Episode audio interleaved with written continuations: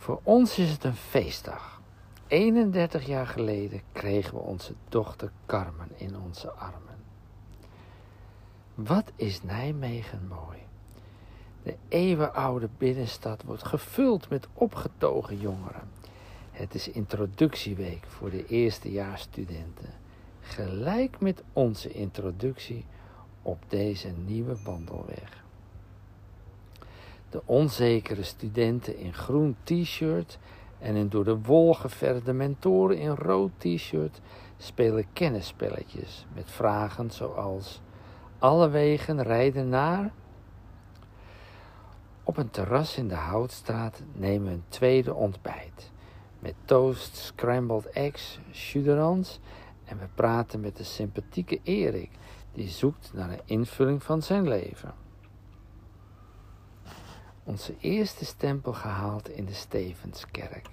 Via een krakende deur en galmende gang naar de consistorie, waar een wijze stempelaar geduldig wacht met een vriendelijke glimlach op pelgrims.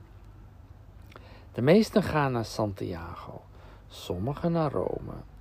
Hij vertelt dat de stempel kort geleden is gevonden en gerestaureerd, met de lelie van Catharina van Bourbon, vroeger de hertogin van Gelre. Nu ligt ze in deze kerk in een praalgraf. Vanaf het Valkhof krijgen we een uitzicht op de Rijn en de Hunnerberg. Sterk stijgen en dalen we in de bossen, 35 etages, 15 kilometer lang. Heerlijk loopt het in de schaduw van de bossen en een zonnetje kleurt het groen helder en een briesje verkoelt ons. We passeren twee oververmoeide pelgrims. Ik knoop maar geen praatje met ze aan. Ik wil niet ontmoedigd worden.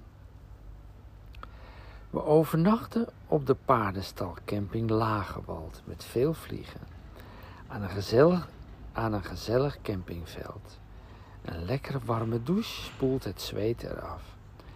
Daarna een hele fles wijn om deze feestdag te vieren en daarna lekker gekokereld met Italiaanse liedjes zoals Via Via Viene Via Con Me